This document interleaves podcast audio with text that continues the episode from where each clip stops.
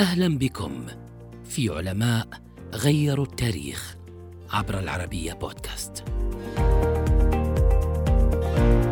عالم ومخترع عربي ولد عام 1136 هو بديع الزمان ابن رزاز الجزري. ورد أن ليوناردو دافنشي استلهم بعض أعماله من عالم مسلم. كان موسوعيا وبرع في علوم الهندسة والكيمياء منذ صغره. شغل منصب كبير المهندسين في قصر أرتوكلو تركيا حاليا. يعتبر أبرز مهندس ميكانيكي في عصره وأحد أفضل المخترعين في التاريخ. يعود له الفضل في ابتكار المكبس ووضع أسس المحرك البخاري.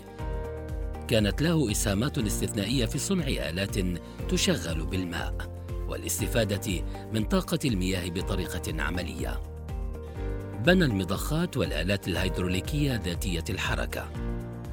ابتكر ساعة شمعية وهي ساعة القلعة وكانت الأدق في عصره وهي آلة فلكية معقدة تعكس أقدم أشكال حواسيب الكمبيوتر التماثلية.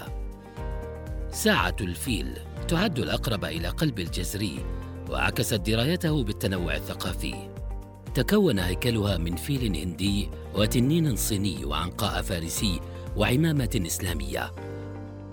وهي ساعة مائية ذات نظام تنبيه ذاتي تعتبر من أقدم النماذج للروبوت. إرثه الأعظم يتمثل في الكتاب الذي جمع فيه تلك الاختراعات، الجامع بين العلم والعمل النافع في صناعة الحيل.